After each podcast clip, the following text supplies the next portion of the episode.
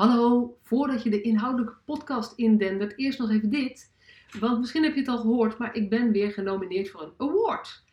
Een beetje ongemakkelijk, net als de vorige keer, vind ik het ook nu uh, uh, best lastig, die aandacht. Want het gaat helemaal niet om mij. Het gaat om de boodschap van Professional vanuit je hart. Het gaat mij om liefdevolle en gelijkwaardige jeugdzorg. Waarbij professionals ook weer kunnen werken op de manier waar ze eigenlijk voor gekozen hebben, bijna altijd. En wat ze binnen het systeem zo moeilijk is om vast te houden. Um, en die award is alleen maar een middel. Want ik weet zeker als ik die award zou winnen, provinciale award is het, uh, zou dat helpen om, uh, om dit geluid meer naar voren te brengen. En uh, in de tijd waarin de negatieve berichten over de jeugdzorg over elkaar heen buitelen, um, zou ik heel erg graag een ander geluid willen laten horen en dat ook krachtiger kunnen laten horen. Vind jij dat ook belangrijk? Dan zou ik het heel erg tof vinden als je jouw stem uh, op mij zou willen uitbrengen. En dat kan je doen door te gaan naar www.vidm.nl, afkorting van vaker in de media.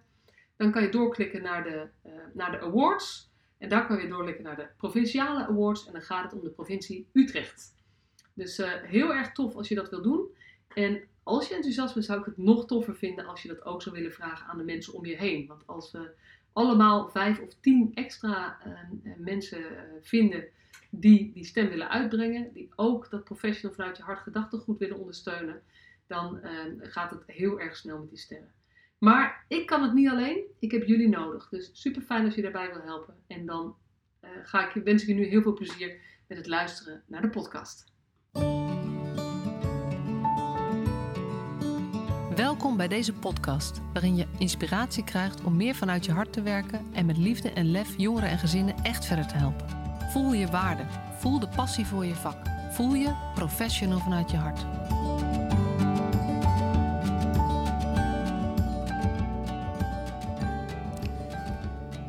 Ja, ik zit hier op een prachtige locatie in het mooie Utrecht, uh, letterlijk om de hoek van mijn huis, namelijk bij het kantoor van het Vergeten Kind. Welkom. Dankjewel. En uh, tegenover mij uh, zit Margot Ende, de directeur van het Vergeten Kind. En wij gaan met elkaar in gesprek, want vandaag is voor jullie een bijzondere dag. Het is namelijk de start van jullie campagne. Daar ga je zo meteen van alles over vertellen. En, maar voordat wij daarin gaan duiken, ben jij een professional vanuit je hart? Uh, ik denk het wel. En ik denk ook dat iedereen die mij kent uh, weet dat ik uh, vanuit mijn hart werk, wat ik ook doe. Ehm, ik moet wel zeggen, ik vind de combinatie van hart en hoofd ook wel een hele mooie. Dus er komt af en toe ook, ook een beetje hoofd bij, maar heel veel hart zeker. Ja, ja. En je bent nu directeur van het Vergeten Kind. Ja. Maar daar ben je niet mee begonnen toen je 18 was, denk ik. Nee. Dus kan, nee. jij, kan jij in het kort eens vertellen hoe je hier bent gekomen en, en wat je achtergrond is? Ja, ja, dat doe ik graag. Um, ja, ik ben. Uh, nou, laat ik ook nog even zeggen dat ik moeder van twee kinderen ben, Nicky en Bouke. Uh, ondertussen 15 en 17. Uh, maar super goede, fijne kinderen. Uh, en daar word ik altijd heel blij van. Maar um, ik heb bedrijfskunde ooit uh, gestudeerd. En uh, ben in eerste instantie in het bedrijfsleven terecht gekomen. maar heb eigenlijk altijd, noem het opvoeding, noem het ergens iets diep in je gehad van... ik wil heel graag zorgen dat het beter wordt komt denk ik ook wel voort uit uh, toen ik met een rugzakje de wereld uh, over uh, trok.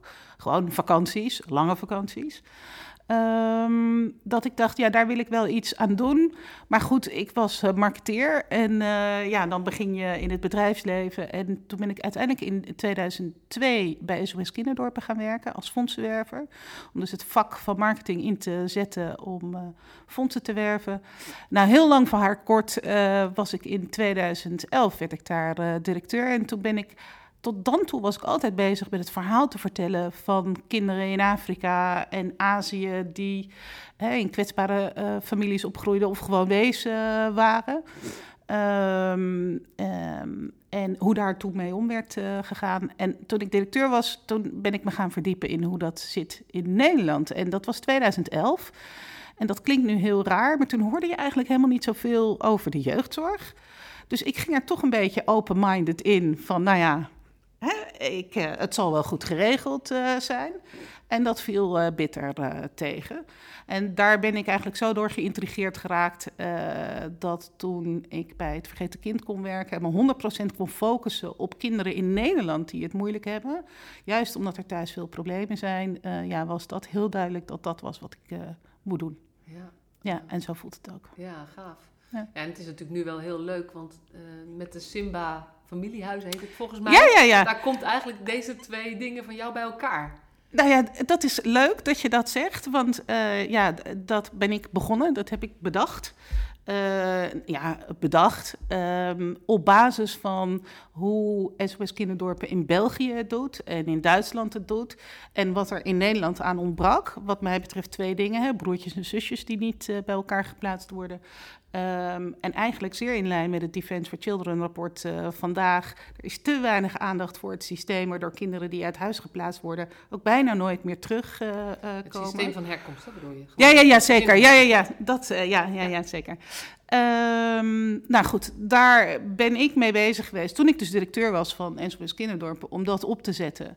En eh, ja, dat heeft mij zo geraakt dat toen deze baan voorbij kwam, dat ik dacht, ja, dit, dit moet ik gaan doen. Ja. Maar leuk dat je het kent. Ja, nou, dat is, dus er staat op mijn wishlist voor, eh, voor ook een keer een podcast. Oké. En eh, die wishlist is wel lang hoor, dus dat, Ja. dat gaat komen. Maar Ja. ik vind dat echt wel heel erg mooi. Want het gaat ook inderdaad over hoe kan je zorgen dat meer kinderen gewoon in verbinding blijven met wie ze, waar ze vandaan komen. En daar strijdt het vergeten kind natuurlijk ook voor. Dus het ligt ook heel erg in elkaars verlengde. En daarom dacht ik ook, ja, dit, Ja. dit past bij mij, dit is van mij. En sinds wanneer zit je bij het Vergeten Kind? Sinds 2019. Oké. Ja. Ja. Eigenlijk, ik ben op 1 januari begonnen. En op 14 januari startte de campagne eh, Stop eh, de Carousel. Eh, dus ik viel wat dat betreft met mijn neus in de boter. Ja. En ja. Ja, dat was, dat is ook de periode, dat is wel grappig, want het is een beetje de periode waarin ik ook betrokken ben geraakt, of, of ja, ergens bij het vergeten kind. Omdat dat, dat is ontstaan ook naar aanleiding van de documentaire Alicia. Die is Zeker. namelijk uitgekomen in november 2017 en iedereen die deze podcast luistert, die hem nog niet heeft gezien, ja, je moet hem kijken wat mij betreft. absoluut. Gewoon eh googelen, twee doc en Alicia. Ehm, en die, die campagne, maar ook die, die, die documentaire, heeft voor mij ook wel heel veel in beweging gebracht. Omdat, ik, Ja. omdat je daar eigenlijk ziet wat het, wat het systeem, hoe goed bedoeld ook door al die individuele hulpverleners, Ja. wat onbedoeld het resultaat Ja. kan zijn. Of Ja. is of kan zijn, zeg maar. En dat was, zeg maar, eh, Stop de Carousel. Stop met doorverplaatsen was de, was de eerste campagne die daarmee samenhing. Zeker. En nou, wat, wat het bijzondere is van Alicia, is dat normaal gesproken zie je natuurlijk als hulpverlener, of als, je ziet alleen dat stukje van dat kind. En hier zie je dat hele proces. Ehm, en dat heeft ongelooflijk veel indruk gemaakt. Ja, wat mij betreft, vooral mensen in de sector. Ik vind dat te weinig Nederlanders, zeg maar, me hebben gezien. Eh, als ik vrienden tegenkom, gebeurt het nog wel eens dat ze zeggen, nou, nee, Alicia, nooit van gehoord. Ik denk, hoe kan het? Ehm, maar inderdaad, dat is ook voor het vergeten kind wel een heel belangrijk moment eh, geweest. Ehm, waarin we ook eh, nou, nog sterker de verdieping hebben gezocht. Het gesprek met iedereen zijn gaan voeren ehm, over hoe het nou toch echt beter kan. Ehm, dus wij hebben ook officieel het stokje opgegeven ogenblik van Marcia en Willemijn overgenomen om de strijd de- voor de- te zetten. De filmmaker en de, en de director. Ja, zeker. Omdat er was heel veel aandacht, ook voor de persoon Alicia. Maar het verhaal is natuurlijk veel groter, want het gebeurt veel meer kinderen. En we hebben toen ook onderzoek gedaan eh onder uit huis geplaatste kinderen. En daar kwam uit, dat sloeg toen ook wel in als een bom. Maar het is nog helaas nog steeds zo dat kinderen zes keer gemiddeld, gemiddeld worden doorverplaatst van de ene kant van het land naar de andere kant van het land. Ehm, en is er dan helemaal niks veranderd? Ik denk dat er vooral wat veranderd is in de bewustwording. Dat er wat meer erkenning is voor dat echt een probleem is. Ehm, maar als ik kinderen spreek, ehm, dan merken de kinderen er eerlijk gezegd nog niet zo heel veel van. Maar goed, het, het is een, eh, een eh, beginnetje.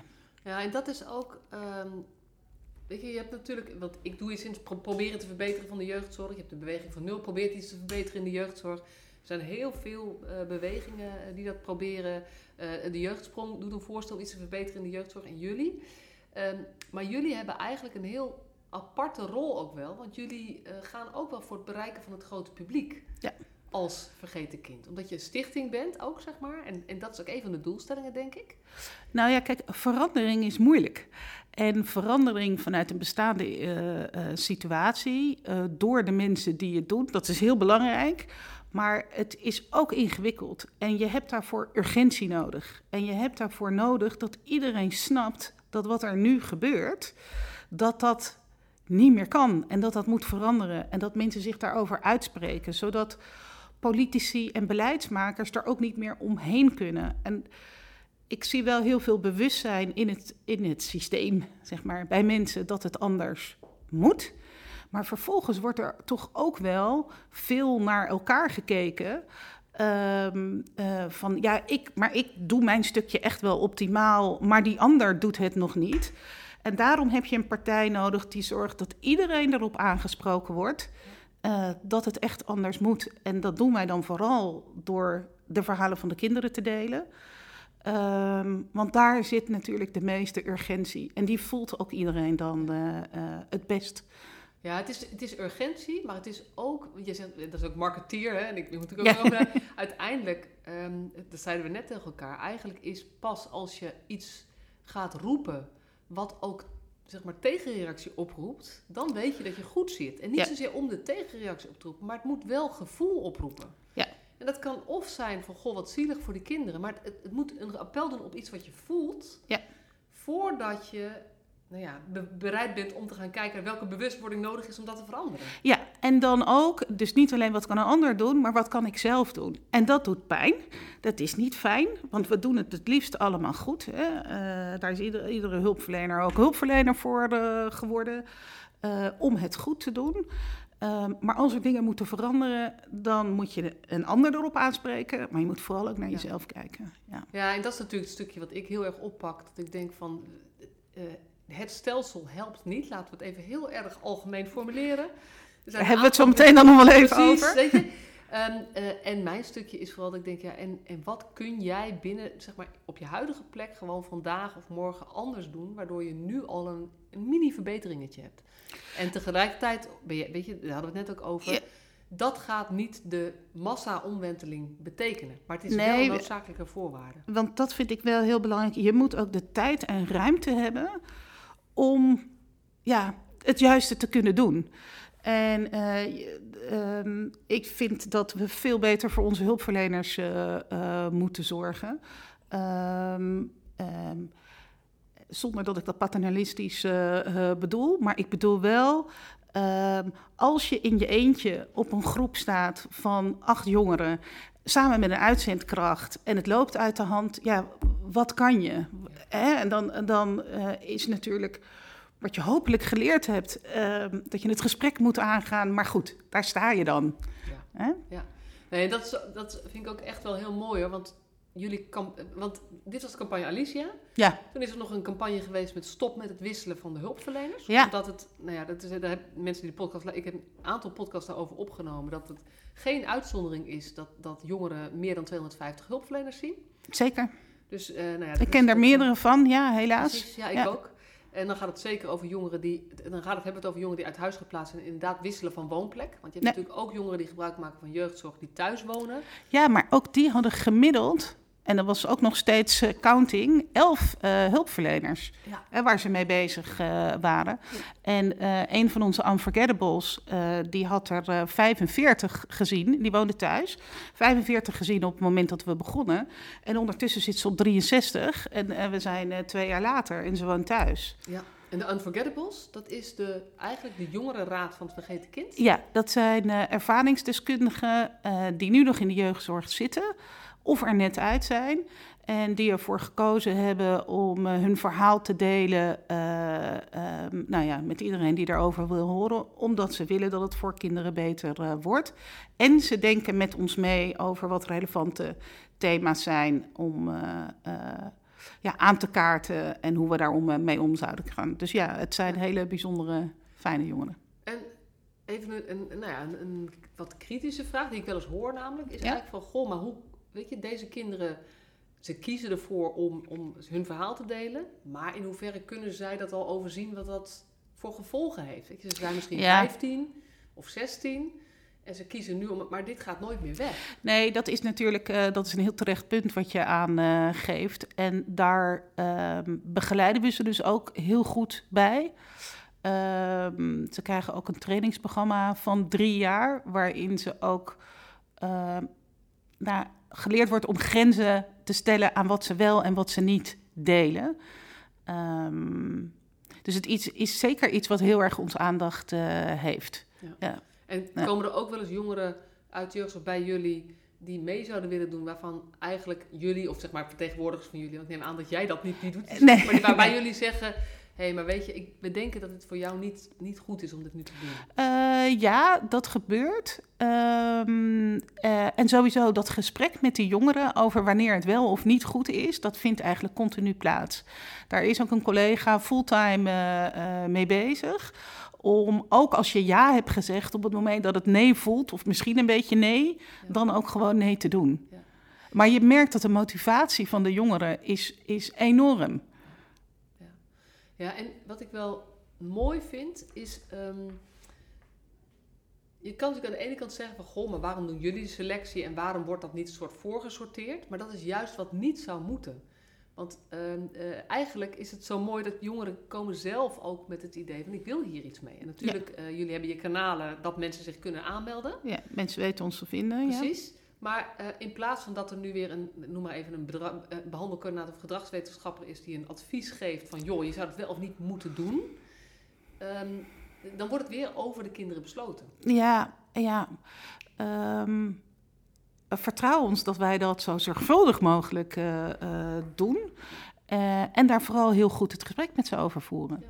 Eh, Nou, en, maar ik denk dat dit ook de kern is van waar jullie voor staan.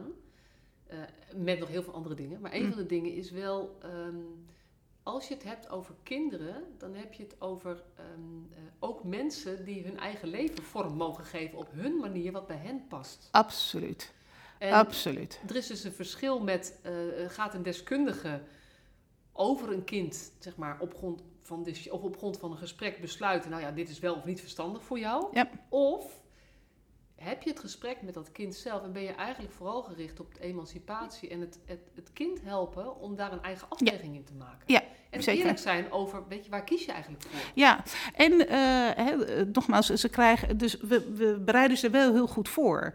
En ehm, bijvoorbeeld, ehm, er zijn ook ambassadeurs die hen trainen eh, om hoe om te gaan met als er eens heel negatief over je eh, gesproken wordt. Dat is maar een onderdeeltje, maar het is ook, ze vertellen wat er kan gebeuren. En ehm, ja, kijken of ze daarmee kunnen dealen of eh, niet. Daar groeien eh, van. En, en werken jullie dan ook samen met de hulpverleners waar dat kind dat mee te maken heeft? Ja, ja, ja. Dat is ook waarom iemand eh, daar eh, fulltime eh, op zit. Ook als er geen campagne is en er helemaal niets zichtbaars aan de buitenkant gebeurt, schakelen we juist ook. Daar zijn we ook heel erg van. De mensen om het kind heen, die zijn het belangrijkste. Daar schakelen we natuurlijk ook mee. Ja, Ja. zeker. Ja, even een klein zijpaadje, omdat Ja. ik deze vraag eens krijg. Oké, nou, het is fijn dat we die dan eens... wel eens, wel eens ja, horen. maar het is fijn dat we daar dan eh, nu eh, Ja. goed eh, aandacht aan kunnen Ja, besteden. ja. Ja, zeker. Dus de campagne Stop de Carousel. Ja. Stop het wisselen van hulpverleners. Ja. Doorbreek het sociaal isolement. Die was vorig jaar. Maar Die was vorig al, daar heb ik niks over gehoord. Maar jij vertelde ook, die viel samen met de, lock, de, de avond Ja, van het was- echt, wij gingen op een maandag live, dat doen we wel vaker. En dat was de avond waarop voor het eerst de avondlockdown eh, inging en alle rellen ontstonden. Dus alles wat er ooit aan aandacht is geweest, dat is verdwenen. Maar er zit denk ik nog wel een aspect eh, aan, want onze campagne duurt altijd een paar weken. Dus op een gegeven moment was het wel klaar over die, eh, over die week. Ehm, het was een heel mooi thema, wat heel sterk bij ons past. Wij zijn voor dat kinderen aandacht krijgen, dat ze gezien worden, dat ze gehoord worden. Vooral eh, voor en met de mensen om hen heen. Dus doorbreek het sociaal isolement is eigenlijk in de kern wat wij doen. Ook in onze eh, programma's voor kinderen, waar we ze even uit de ellende eh, halen. Ehm, en je ziet dat dat toch, ja, het, het spijt me, ik vind het vreselijk, maar minder aandacht krijgt dan als je een heel duidelijke boodschap hebt over dat iets echt anders moet en daar kinderen over aan het woord laat. Dus dat is ook een beetje de realiteit. Ehm, En dat vind ik wel leuk, want jouw achtergrond is marketeer. ja. Snap je dat als marketeer? Ik snap dat als marketeer en ik probeer er alles aan te doen als marketeer om eh, dat zeg maar meer aandacht voor te krijgen. Ehm, maar het is ook een beetje, ehm, ja, het is ook de realiteit. Ja. ja. En dat is natuurlijk, ja, toen ik jong was, had je al, als ik de baas zou zijn van het journaal, maak ik, maak ik het nieuws wat positiever. Ja, Weet je, gewoon, Ja. gewoon stellige, Nou ja. negatieve, sombere, heftige dingen, die krijgen aandacht. En eigenlijk positieve ontwikkelingen, mooie, mooie voorbeelden, is moeilijker om echt ehm eh, Ja. En de krijgen. kunst is, is dat die, eh, die negatieve dingen die aandacht krijgen, dat we het weten om te buigen met elkaar naar energie, die het positieve gaan eh, bereiken voor de kinderen. Want dat is natuurlijk wat we willen. Ehm, ehm, als we iets heel stellig of, of, of, of duidelijk communiceren, waarin we ook graag nogmaals de kinderen zelf aan het woord laten, dan is dat omdat het goede gesprek gevoerd moet worden. En ehm, we niet ons door alle dagelijkse dingen die ons ook allemaal bezighouden, ja, weer laten dwingen om te zeggen, nou ja, dan doen we maar zoals het nu gaat. Hè? Nou, en dat jullie, jullie doelgroep is niet, ehm, niet alleen de mensen die in de sector werken. Jullie doelgroep zijn de mensen van Nederland, waarvan echt gewoon mensen. Nou ja, ik vertelde ook, de, de straat waar ik woon, er zijn gewoon echt. eh, ik spreek wel eens buren. Die zeggen: Goh, maar wonen er in Nederland dan ook kinderen? eh, zijn die ook uit huis geplaatst? Ja. Die, dat kun, je kunt je het niet voorstellen als je Ja. in het systeem werkt. Ja, en nog een stapje verder. Je bent misschien ook wel geneigd om dat groepje jongeren wat op straat eh, hangt, om daarvan te denken. "Hmm, rotjochies, want die hadden we nog even niet eh, eh, genoemd. En dat is de tweede documentaire van eh Masha en Willemijn in dit drieluik. Ehm, dat, dat we met elkaar allemaal toch wel geneigd zijn om te denken rotjochies. En dat we dus, dus te veel kijken naar het gedrag en te weinig naar waar dat gedrag wordt veroorzaakt. Waar wat ons betreft ook ja, de, de aandacht naartoe zou moeten, omdat daar de oplossing zit voor die kinderen om eruit te komen. Dus, dus jullie marketingcampagnes gaan- zijn eigenlijk bedoeld voor het grote publiek om überhaupt ook niet eens bewustwording, er moet verandering komen, maar eigenlijk ook bewustwording van hé, hey, dit is wat er ook bestaat. Ja. En dit vinden wij niet acceptabel. Ja. Sommige onderdelen. Dankjewel Siri. Fijn dat je je er even mee bemoeit. Dat doet mijn Siri wel eens vaker. Als waren we niet verder Als gekomen. waren we dus, niet verder gekomen. Ja. Ehm, maar, maar, en dat is belangrijk, denk ik, ook voor mensen die naar deze podcast luisteren. Ik denk dat de, me- de meeste mensen zullen binnen het systeem of het systeem kennen, want anders ga je niet hier naar luisteren. Maar jullie campagne is veel breder gericht. Dus dan moet het ook nog wat scherper worden gezegd Zeker. om ook de aandacht überhaupt te krijgen en het Ja. gesprek op gang te krijgen. Ja. Alleen, ik kan me voorstellen voor mensen die in de sector werken, dat eh, dat dan wel soms als erg door kort door de bocht kan voelen. En dan doorbreekt sociaal isolement natuurlijk niet. Nee, Maar de campagne van dit jaar, ja. misschien laten we die meteen eventjes, van dit is een soort inleiding daarop, die is natuurlijk wel weer echt nou ja, op scherp. Je kan bijna, bijna zeggen, een harde confrontatie, zeg maar, ehm, Met de met de realiteit. realiteit. Ja. Kan je er iets over vertellen waar, eh, waar het dit jaar over gaat? Ja, ehm, zeker graag. Ehm, dit jaar gaat het over het stoppen van gesloten jeugdzorg. En ehm, het zorgen dat er eerder betere hulp komt aan eh, kinderen en gezinnen. Waardoor gesloten jeugdzorg helemaal niet meer nodig eh, is. Ehm, dat is een heel groot eh, thema. Dat is ook een pijnlijk thema. Ehm, ook hier laten we nu weer de kinderen aan het woord, die het zelf hebben meegemaakt. En dat doet pijn om te horen, zeker als je je dag in dag uit inzet om het beste te doen wat, je, wat je in je hebt voor deze kinderen.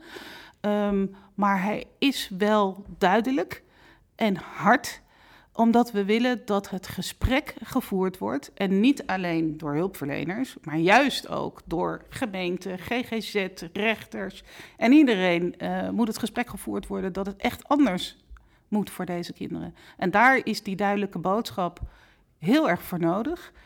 In die 25 seconden van een sportje of op een abri ehm, kan je ook alleen maar een hele duidelijke en heldere boodschap eh, ehm, geven.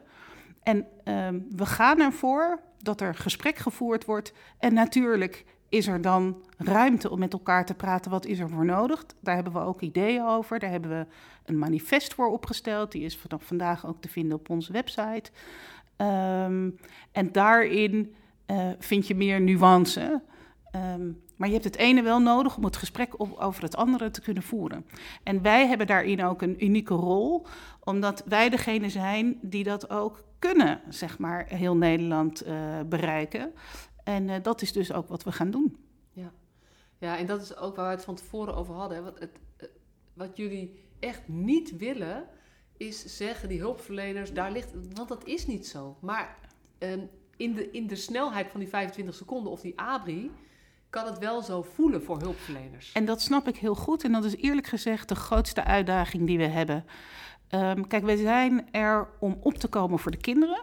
En we realiseren ons heel erg goed dat als we opkomen voor de kinderen, we ook op moeten komen voor de hulpverleners. Om te zorgen dat zij de juiste hulp aan de kinderen kunnen geven. Maar ja, als je een, een duidelijke boodschap wil geven, dan schuurt dat wel. Um, maar ik hoop dat uh, hulpverleners toch massaal zeg maar, onze campagne zullen steunen. Um, en dat daar eerst gesprek voor nodig is, dat accepteer ik en dat snap ik ook heel goed. Um, maar waar we uiteindelijk voor pleiten, is dat het anders wordt, is dat het beter wordt. En dat er een van de belangrijkste uitgangspunten daarbij is dat we beter moeten zorgen voor hulpverleners, zodat zij ook de ruimte hebben in, in hun hoofd en in hun tijd en in hun agenda om het beter te gaan doen. Ja.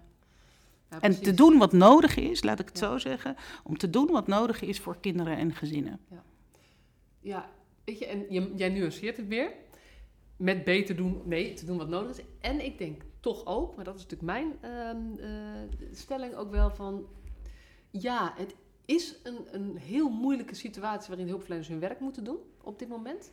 Het helpt helemaal niet. En tegelijkertijd zijn er nog steeds mogelijkheden om het vandaag beter te doen dan gisteren. En, en daar is, en dat is mijn stukje, zeg maar. En, en uh, dat ik denk, ja, uh, iedereen die deze podcast luistert, en meestal luisteren de mensen die dit ook wel kunnen horen, zeg maar. Dat ik denk, ja, het verbeter de wereld begint bij jezelf. Ja. Dus als je wil dat dit gaat veranderen, dan gaat het ook over grote beleidskeuzes. Dan gaat het over juridische aspecten. Dan gaat het over, uh, over politieke keuzes. Dan gaat het over organisatiekeuzes, over wat sommigen zelfs verdienmodellen noemen, zeg maar. Mm En dan gaat het over, ben jij bereid om op jouw plekje in dit hele systeem, misschien als, als groepsleider, misschien als ambulant werker, zorgcoördinator, uh, uh, beleidsmedewerker, uh, wie dan ook, ben jij bereid om te kijken wat jij eraan kunt bijdragen? Wat jouw rol erin kan zijn? Ja, daar ben ik het ook met je eens. En daar ben ik ook groot fan van je. En tegelijkertijd denk ik dat in het kader van deze campagne... voor de mensen die werken in de gesloten jeugdzorg... die hebben echt een onmogelijke opdracht in een onmogelijk systeem.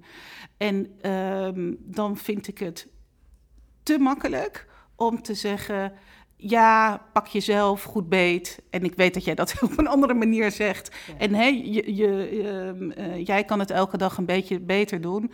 Ik ken heel veel hulpverleners die hun stinkende best doen. En eigenlijk veel meer en veel andere dingen zouden doen, willen doen. Maar daar echt niet de ruimte en de tijd voor uh, voelen. En dat vinden wij heel belangrijk om juist onder de aandacht uh, uh, te brengen. Ja. Ook met deze campagne. Ja, het is ook wel mooi. En, en, dan denk ik even terug aan hoe jij het net schetste. Um, weet je, ik denk toch nog een beetje vanuit de situatie. Je staat met een vast team.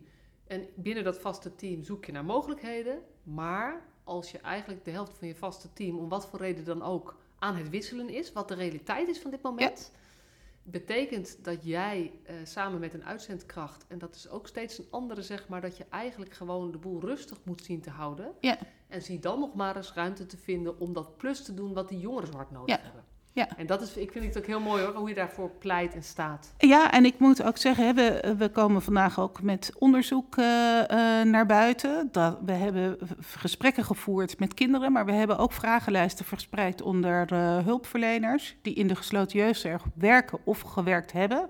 En dan zie je dat 89% zegt dat er betere alternatieven zijn dan gesloten jeugdzorg dat zij daar niet in de dagelijkse 89 praktijk... procent. 89 procent zegt, er zijn, en die hebben gewerkt of werken nu in de gesloten jeugdzorg...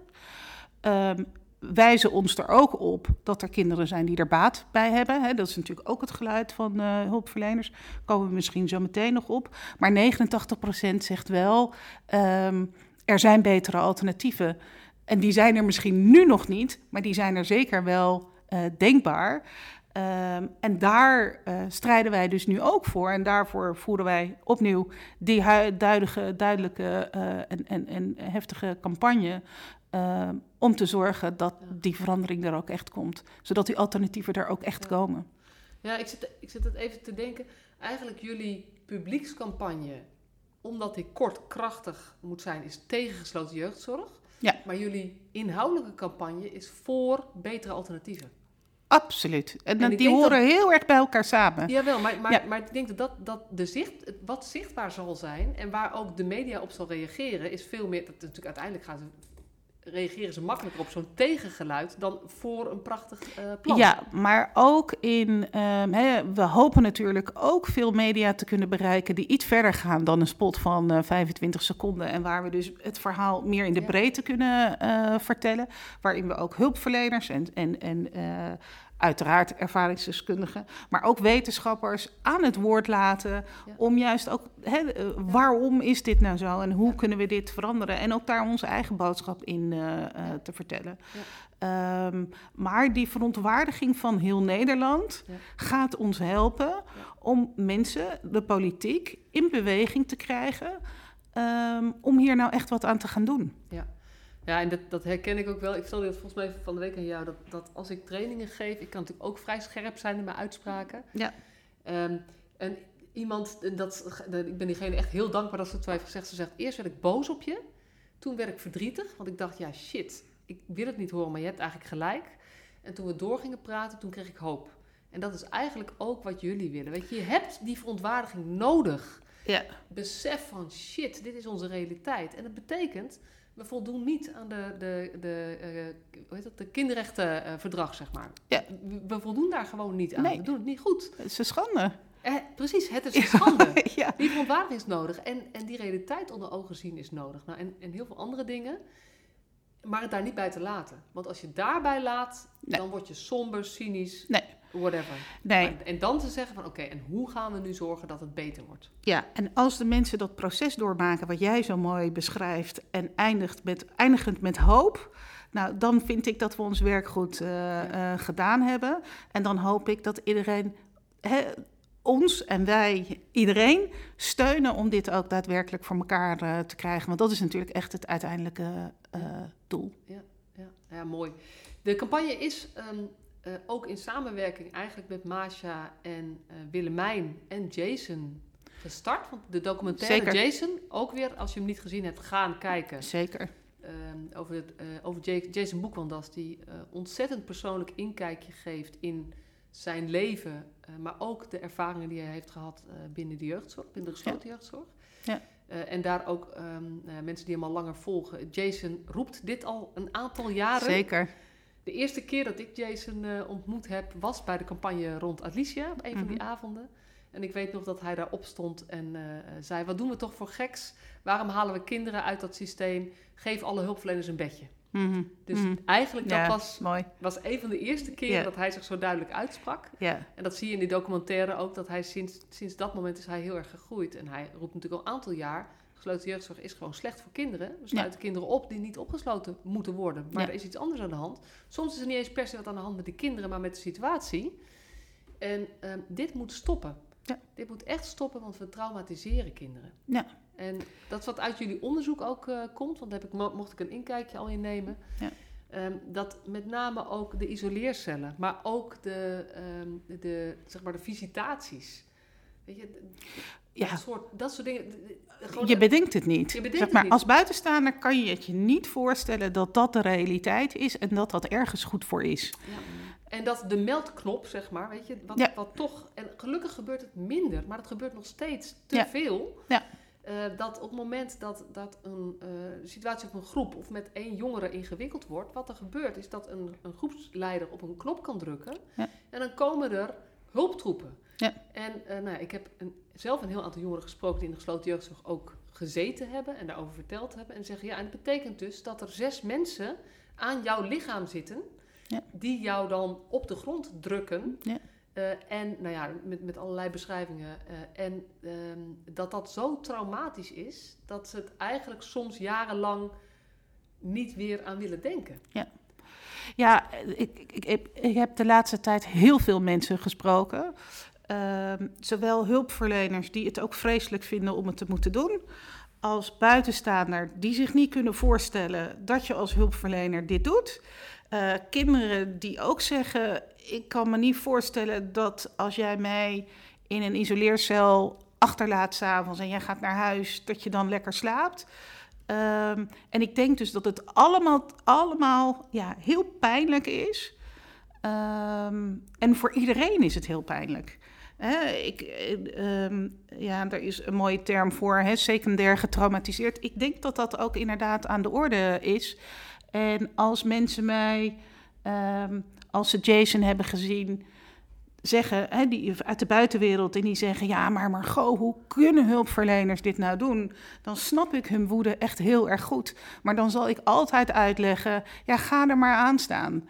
Hè, er staat iemand met een stoel tegenover je en je moet nog zeven jongeren in de gaten houden. En eh, hè, er wordt gescholden en geroepen en dan moet jij rustig blijven. En je hebt die knop. Ja, ga er maar aan staan. Het mag niet, het moet niet. En het, we moeten nogmaals de hulpverlening zodanig organiseren en hulpverleners zodanig faciliteren dat het ook echt niet anders, of dat het echt anders kan. En dat er eh, tijd komt en ruimte komt om daar ook op die momenten zeg maar, het gesprek eh, eh, te zoeken en aandacht te geven. Terwijl op dat moment wordt echt niet bij jou de knop ingedrukt. Hoe kan ik deze jongeren nou meer aandacht eh, geven? Dat realiseer ik me heel erg goed. Nee, precies. Dus jullie campagne gaat ook niet over hoe kunnen we binnen de gesloten jeugdzorg beter doen. Nee. Hij gaat, eigenlijk, hij gaat Ophouden. Echt ophouden. ophouden. Stoppen ermee. Stoppen ermee. En zeg maar in alles wat eraan vooraf gaat, primair thuis, Ja. maar anders in kleinschalige wonenvoorzieningen, veel beter organiseren en veel meer capaciteit opzetten, zodat er ruimte is om het goede te doen. Dus het is stopgesloten jeugdzorg, start met eerdere betere hulp. Die twee dingen horen heel erg eh, bij elkaar. Eh, communicatie gaat via de as van eh, urgentie en pijn doen. Dat is niet anders. Maar daarna ehm, hoop ik dat we met z'n allen strijden dat het eh, eh, anders kan en moet. En dat we niet, doordat we zijn murf geslagen, doordat we elke dag geconfronteerd worden met alles wat er niet kan, dat we dat niet accepteren. Ja. Want we zijn dingen gaan accepteren die echt niet gewoon zijn. En kan je daar een paar voorbeelden van noemen? Ja, eh, legio. ehm, in het kader van de harde, maar duidelijke boodschap. Ehm, als, als je weet dat een groot gedeelte van de kinderen die in de gesloten jeugdzorg zitten. ehm, iets met seksueel misbruik te maken hebben gehad. Echt een groot gedeelte. En het is toch nog steeds zo dat er gevisiteerd wordt bij binnenkomst of als je met verlof bent geweest. Niet in alle instellingen, dat nuanceer ik meteen. Maar wij hebben er in ons onderzoek niet eens naar gevraagd, naar visiteren. Want we dachten, nou ja, daar hadden we niet eens meer bedacht dat dat ging gebeuren. Eén op de zes kinderen is uit zichzelf begonnen over visitatie. ehm, nadat ze buiten waren geweest na verlof. Zonder, nogmaals, zonder dat we daarnaar vroegen, ja, dan denk ik echt, hoe kan dat? Nou, en even voor de goede orde. Gesloten jeugdzorg, daar zitten geen kinderen die strafrechtelijk veroordeeld nee, nee. zijn. Nee. Dat is misschien, dat realiseer ik me dat niet. Ja. Straf, Gesloten jeugdzorg is de meest, ik kan zeggen, de meest intensieve vorm, Ja, de laatste redmiddel voor kinderen ehm, die moeilijkheden hebben. Eh, Waar de omgeving niet meer goed weet wat ze mee moet. En waar, waar, waar veiligheidsissues zijn. Ofwel Zeker. voor zichzelf of voor de omgeving. Maar zij zijn niet crimineel. Nee. Dus er is geen absoluut niet. Visitatie gebeurt ook in gevangenissen. Dus ik kan me voorstellen dat mensen daarbij denken... dat, Ja. je, dat is toch normaal? Ja. Maar dat is dus het grote verschil. Het gaat niet over mensen die iets gedaan hebben waarvoor ze Ja. veroordeeld zijn. Maar een ander, een ander voorbeeld. Nou, of was ik deze, was ik echt flabbergasted hè, dat het eh, gebeurde. Maar eh, kinderen die suicidaal zijn.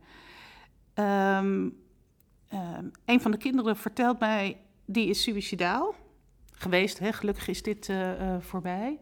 Maar die heeft een jaar in een isoleercel gezeten. Die kan niet met zichzelf, maar die wordt in een isoleercel opgesloten. En mag er één uur per dag uit.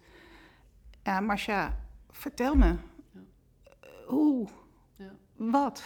Maar, Stoppen daarmee. maar waarom, want dat is, dat is natuurlijk leuk, maar waarom is dan, eh, weet je, de, de, vorige beweging, al nog kort geleden, waar we nog mee bezig zijn, is het, sluiten van de isoleercellen. Maar waarom is dat dan niet genoeg? Het, gaat natuurlijk om veel meer dan, eh, eh, dan alleen het opsluiten. Hè. Het, he- woorden eh, doen ertoe, dat sowieso. Maar het gaat dus ook over het, het feit dat iemand anders jou kan opsluiten. Dat je elke nacht wordt opgesloten, dat je een wc hebt op je, op je slaapkamer, omdat je er niet af mag. Dat doet iets met je. Dat, dat, dat, dat tast je aan in, ehm, ja, in, in je mens zijn eh, eh, bijna. En wat ik ook heel kwalijk vind, is dat ehm, we doen het om vanuit bescherming van de kinderen. Maar op het moment dat je 18 jaar bent, dan, eh, nou ja, dan hoef je blijkbaar niet meer beschermd te worden en zetten we je op straat. En dan ben je in de afgelopen maanden, soms jaren, is, is alle autonomie zeg maar, van je afgenomen. In die jaren is alles zeg maar, voor je bedacht en voor je eh, ehm, ja, georganiseerd. En, en je moet van alles vragen. En dan moet je opeens weer meedoen in de maatschappij. Je bent het gewoon helemaal kwijt. Je, bent gewoon helemaal, je weet helemaal niet meer wat moet. En dan krijg je uitspraken van kinderen die zeggen: Ik wil terug naar gesloten. Ik dacht niet dat ik het ooit zou zeggen, maar ik wil terug naar gesloten. Goed, als ze er iets langer over nadenken, komen ze daar ook wel weer van bij. Maar ik snap het wel. En ik snap ook dat kinderen zeggen: Ik ben eigenlijk best een beetje opgeschoten. Uit ons, hè, uit ons onderzoek ook 16% zegt: Nou, ik heb er ook wel wat aan eh, eh, gehad. En ik heb ook iemand gesproken die zei: Nou, ik ben er goed door geholpen. Ehm, Maar, Maar- even, je zegt tussendoor 16 procent en niet 60. Ja, ja, ja, nee, 16%. 16. Ja. 16, 16 procent. Ja, dus hè, daar valt ook weer een heleboel over te zeggen. Maar, hè, maar dat krijgen we natuurlijk heel vaak te horen. Van ja, maar je weet niet waar je het over hebt. En voor sommige kinderen is het wel goed. Ehm, ik kan me voorstellen, als de hele dag alles voor jou geregeld wordt... en je overal toestemming voor moet hebben... Ja, dat jij ook denkt dat jij dat niet zelf kan. Dus dat jij ook denkt dat het goed is voor jou om er te zijn. Maar ik heb niet één kind gesproken waarvan ik dacht... als jij met de juiste hulp, met, met, met mensen die aandacht voor jou kunnen hebben en hebben... in een kleinschalige woonvoorziening ziet... dat je dan niet veel beter geholpen zou worden. En dat je dan dus niet de beschadiging door zou kunnen hoeven maken... die je nu eh, doormaakt. Heb ik er nog nooit een kind gezien. En die zullen er één of twee. eh, eh, Ja. Want dat is natuurlijk altijd, als je zegt nooit, dan komt er altijd wel iemand die zegt, nou, ik heb nu iemand. En eh, die is er misschien ook wel, maar daar kunnen we dit systeem echt niet voor in de lucht halen. Nee, en dan ben ik altijd heel pragmatisch en ook politiek interessant. Want kostentechnisch, als je eens kijkt, stel, stel, nou ja, Ja. stel dat, Ja. jullie gaan ervan uit dat het gaat lukken, maar de slo- gesloten jeugdzorg gaat sluiten. Dat zal niet morgen zijn, Hmm, maar jullie hopen wel heel snel. heel snel. Heel snel, want zolang het er is, is er onvoldoende urgentie om de alternatieven echt te ontwikkelen. Zeker. En dat is natuurlijk ook, ook interessant. En, eh, als er een oplossing is, dan eh, vinden we vanzelf een probleem wat erbij past. Dus Helemaal. dit is zeg maar ook het mooie. Helemaal. Vind ik, wel, van- weet je, ik vind jullie ook heel stellig in je uitspraken. Ik snap het marketingtechnisch, maar het doet ook ergens een beetje pijn. Omdat ik weet hoe moeilijk het soms is. Ook, eh, eh, maar ik, ik zie ook al jaren gesloten is gewoon niet een oplossing voor een probleem. Nee. Het is uitstel van ehm, het toegeven dat wij eigenlijk niet meer weten hoe we iemand verder moeten helpen. Ja, en ik weet niet of we nu in het gesprek helemaal die kant op moeten. Maar ik heb ook altijd begrepen dat toen wij in de jaren negentig kinderen zijn gaan opsluiten. Uh, in de jeugdgevangenissen dat niet was omdat we dachten dat dat een goed idee was voor die kinderen, maar omdat er toen ook al geen alternatieven waren. En dus toen er in 2008 is gezegd we moeten dat uit elkaar halen, zit best een begin van een goede gedachte aan, maar was dan in godsnaam teruggegaan naar het moment waarop je dacht, hé, hey, we sluiten ze op omdat er geen alternatieven zijn, in plaats van het is een goed idee om ze op te sluiten. Ja, ja. Um, ja ik, Vind, ik vind de uh, gesloten jeugdzorg, zoals ik er naar kijk, wat ik ervan weet, het is eigenlijk een verlegenheidsoplossing. Zeker. Die eigenlijk voor de kinderen zelf vaak niet veel oplevert. Sterker nog, die vaak uh, dingen in stand houdt of verergert. Ja, dan kom ik toch weer even met mijn onderzoek. Um, uh, 86% van de jongeren zegt dat ze meer beschadigd uit de gesloten jeugdzorg komen dan dat ze erin zijn gegaan. ze zijn er natuurlijk al beschadigd ingekomen.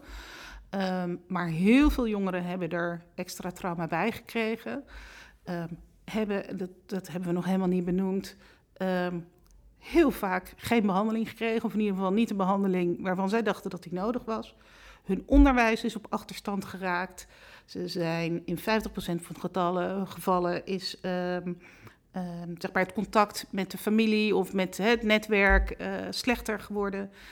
Dus ja, ondanks dat het voor die paar kinderen, en die dan zeggen, uh, nou, ik heb er eigenlijk best wat aan gehad, is het voor veel te veel kinderen uh, echt te schadelijk. En ook dit percentage wat ik noem, ik schrik er. Ik, we, we schrokken er zelf ook van dat dit eruit kwam. En dachten, ja, weet je, hoe kan dit?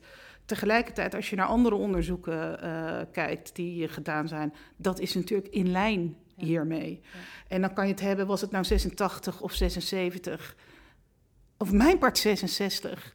Maar serieus, dat is dan toch helemaal niet relevant. Nee, nee precies. En, en um, de reflex kan natuurlijk zijn te zeggen: ja, maar voor sommige kinderen is het goed. Maar durven wij echt eerlijk te zijn naar de, zeg maar, eerlijk de realiteit onder ogen te zien. Van eigenlijk zijn er gewoon een, is er een hele groep kinderen waar we een oplossing voor bedenken die ze, meer, die ze verder afbrengt van een beter leven. Ja. En vinden we dat acceptabel? Weet je, ja. ik vind het niet acceptabel. Nee. Jij vindt het niet acceptabel. Het is onacceptabel, zeker. En, en, dit is waar, waar eigenlijk de publiekscampagne ook over gaat. Ja. Ook voor die urgentie, uh, om die urgentie te kweken. Ja. En lieve luisteraars, we hebben jullie nodig ook hierin om deze beweging mee te gaan maken. Zeker. Dus niet, um, uh, niet, niet in een negatieve zin. Uh, en het gaat niet over um, de precieze uitspraak van het vergeten kind. Maar het gaat wel over dat we de jongeren die het eigenlijk het moeilijkst hebben van iedereen. Want we hebben het over de jongeren die niet meer weten bij wie ze horen. Niemand wil ze hebben. Nee. Um, weet je, Alicia, uh, eigenlijk gaat deze campagne over de situatie van Alicia aan het eind van de documentaire. Toen ze 12 was, toen werd ze gesloten geplaatst. Ja. En waarom werd ze gesloten geplaatst? Omdat niemand meer wist eigenlijk hoe we haar kunnen helpen. Ja. Nou, het gaat wat mij betreft, het, het, gaat over de hele documentaire. Want het gaat natuurlijk helemaal aan het begin al fout. En het gaat over die doorverplaatsingen. En het ultieme effect ja. is dat wij uh, te veel kinderen echt tekort doen. Ja. Ja, en de oplossing zit dus niet in het sluiten van... Sluiten van gesloten is in die zin ook een middel. Ja. Want als je dat sluit, ja. moet je het beter gaan doen. En moet je het anders gaan doen. Ja. Het is geen doel op zich. Het is het wel is, een doel, maar het ja. is een middel voor betere zorg. Ja, absoluut, absoluut. En uh, hè, mensen zeggen, ja, maar het, het, het, uh, het, het ligt niet aan de gesloten jongens. Het zit, het zit er, wat er allemaal vooraf gaat. Uh, nou, het is volgens mij alle twee zo. En wat er allemaal aan vooraf gaat, daar hebben we het ook al jaren over. Dus laten we dit. Afschuwelijke verhaal van deze kinderen, zeg maar, gebruiken om nu ook echt stappen te gaan ja. zetten. En, de, en er worden ook, hè, dat vind ik ook belangrijk om te noemen, er zijn natuurlijk wel goede ontwikkelingen. Uh, Uh, en dan bedoel ik vooral de kleinschalige voorzieningen die als alternatief nu op sommige plekken zeg maar, worden uh, uh, ja, gepilot. En de resultaten daarvan zijn heel hoopgevend. Dus laat ons dat ook heel veel hoop geven. Laten we daar de spotlight op zetten. Laten we met hen in gesprek gaan. Hoe doen jullie dat? Wat kunnen we daarvan leren? Want het zijn mooie pilots, maar het is echt nog te klein. Het is te klein en het moet tot een fundamentele uh, verandering leiden. En daar hoopt deze campagne aan bij te dragen. Want daar hebben we ook de gemeente, en dat gaat ook over geld, et cetera, hebben we hier ook voor nodig. En ook daar helpt een duidelijke boodschap bij. Ja, ja en weet je, ik zit dan nog, ik geef veel training in de jeugdzorg, Ja. veel trainingen bij, bij open eh, groepen ook. Ehm, en daar is het toch, als het echt ingewikkeld is met een kind en het team weet het niet meer, dan wordt er wel gesproken over gesloten als oplossing. En ehm, nou, ik, ik ga dat gesprek natuurlijk op een andere manier aan. Dat ik ook zeg, joh, en wat denk je dat het gaat oplossen? Nou, Mm. dat is ook, dus er gebeurt wel Ja. wat in. Maar ik denk, als dat alternatief niet meer bestaat, wordt er ook nog veel meer gezocht naar van, oké, maar wat kunnen we Ja. hier nog gaan toevoegen? En Ja. ik denk, dat is de beweging die we zouden moeten maken. Met hopelijk uiteindelijk dat we dat ook gaan doen als kinderen nog thuis wonen. Ja. Maar Ja, daarom vinden we ook dat het uit de wet moet. En daar zijn we met juristen en iedereen mee bezig om dat zo zorgvuldig en goed mogelijk eh, te doen. Eh, want dat moet natuurlijk heel eh, eh, zorgvuldig. Maar het moet uit de wet. En dat zal helpen om de urgentie te creëren om de verandering eh, tot stand te brengen. ja, nou ja, weet je, we, kan, we kunnen hier nog een uur over doorpraten. Oh, dat had ik ook heel graag gewild, ja. Ehm, maar eh, weet je, ik heb besloten eh, om eh, met jullie samen eigenlijk in de week van, het, van deze campagne. Vandaag is het de 17e. De week van het vergeten kind is vanaf de 28e. Dus vandaag is eigenlijk het startpunt van de campagne. Zeker. Dus dank je wel ook voor je wat toelichting daarvoor. Ehm, Heel graag gedaan. en in de week van het vergeten kind komen er een aantal, vijf, zes, vijf, zes podcast nog online, ook rond gesloten jeugdzorg. En dan ga ik in gesprek met een jurist, ga in gesprek met mensen die eh, bij zo'n zo'n nou ja, mooi voorbeeld, nog erg klein, maar zo'n pilotvoorbeeld, eh, en met ervaringsdeskundigen om eigenlijk ook dit verhaal, jullie verhaal, ehm, ook wat, nou ja, wat de, de diepgang daarvan te laten zien. Ja. Want dat kan gewoon niet in een publiekscampagne. Want dat is veel te inhoudelijk voor het grote publiek. Maar dat is wel waar het ons over gaat. Voor de mensen in de sector die daarin werken. Zeker. En ons ook, hè. Vergis je Ja, niet. nee, nee, nou, precies. Nee, maar dat, dat- ja, dat is, voor mij is dat al heel erg duidelijk. Want Ja. eh, eh, jullie zijn natuurlijk ook, eh, wat je ook zei, eigenlijk met jouw komst, die samenviel met die, met die eh, campagne van Stop de Carousel, is er ook een stap naar de inhoud en de verdieping gemaakt. Is Dat is veel eh, te veel eer voor mijn komst, maar het viel Nee, mooi met viel elkaar samen. Het samen. Ja. Nee, we- ja, en het past jou goed. Ja, dus ik denk in die zin ook eh, dat het ook klopt. Eh, en ook bijvoorbeeld dat jullie nu met een happy thuis een voorbeeld willen laten zien van Ja. hey, wat, welke mogelijkheden zijn er. En we Ja. zijn nog even aan het zoeken, maar waarschijnlijk komt een van de afleveringen gaat ook over het happy thuis. Maar weet het nog niet helemaal zo. Ja, dat zou heel mooi zijn. ehm, want in het Happy Thuis eh, zitten fantastische eh, collega's die ook elke dag zeg maar, moeten dealen met de pijn van de kinderen en pijn bij zichzelf. Om dat warme huis eh, te kunnen eh, bieden. in samenwerking, overigens, een hele nauwe samenwerking met de ouders en de school. En, de, en ehm, eh, zij doen dat fantastisch. Dus ik hoop dat jij eh, eh, ze de ruimte wil geven om hun verhaal te vertellen. En ik denk dat heel veel hulpverleners nou ja, hun verhaal zullen herkennen. Ja. En, ja. Nou, en vooral zullen herkennen van, hé, maar inderdaad, zo zou ik ook willen werken. Ja. Want ik denk dat, en dat vind ik, vind ik echt heel mooi hoe je dat ook zegt. Het gaat niet alleen, het moet beter voor de kinderen, maar het moet beter voor de hulpverleners. En dat sluit weer aan, daarom, Ja. daarom wil ik ook, eh, vind ik het ook heel tof om dit samen te doen. Omdat ik denk, uiteindelijk gaat het ook over, mag jouw hulpverlenershart weer Ja. meer gaan kloppen? Ja. En dat is een soort van de basis ook om het voor de kinderen beter te maken, zit bij hulpverlenersharten. ja, en daar vinden we elkaar heel erg. En hopelijk na deze podcast ook bij alle luisteraars eh, dat we daar elkaar vinden. Super. Ja, nou ja, dankjewel. Ja, jij bedankt. Is er nog iets wat je nog als laatste zou willen zeggen? Of denk je nee, het is mooi, rond? Naar Ja, ik, ik, ben, ik ben aan het, aan het nadenken. We hebben zoveel eh, gezegd. Ik hoop dat het eh, helder is. Ik hoop natuurlijk dat iedereen achter de campagne gaat staan en eh, met ons het gesprek aangaat. Overigens, er is een online symposium, 28 eh, januari. Ehm, we hebben al heel veel aanmeldingen. Het is helaas online en dat is een ontzettend groot nadeel. Het grote voordeel is dat je met veel meer mensen eh, eh, kunt praten. Ehm, dus volgens mij kan je nog eh, aanmelden. Ja, en dat is via hetvergetenkind.nl. Ja. Ergens slash, maar dan Ja. moet je even zoeken. Oh, dan moet ik even zoeken. nee, ja. maar dat gaan gewoon eh, mensen wel zoeken. En eh, jij zegt dat ze zich aansluiten bij onze campagne. Wat zouden mensen die denken, nou ja, weet je, hier wil ik wel wat mee. Wat zouden ze dan kunnen doen? Ja, we willen dat heel Nederland zich uitspreekt. Hè. Hoe meer mensen laten weten dat dit onacceptabel is, hoe beter. En daarom starten we ook weer een eh, petitie. Ehm, dus als ze die willen tekenen en willen delen, dan eh, zou dat al een grote steun zijn. En als je nog wat meer inhoud wilt, ja, weet je, inhoud in ieder geval een soort, soort highlights wil van, maar waar uh, staat het vergeten kind dan voor? Kijk dan ook zeker op de website en het manifest. Zeker. Wat samenhangt met deze campagne. Ja. Want dat gaat een stapje dieper dan die uh, ja. marketing. En om iedereen te kunnen bereiken, houden we het ook daar weer kort. Dus het is maar één A4'tje. Um, maar ik denk wel dat die boodschap ervoor gaat zorgen dat je van harte die uh, petitie zult tekenen. Nou, dankjewel voor dit mooie gesprek. Ja, jij bedankt.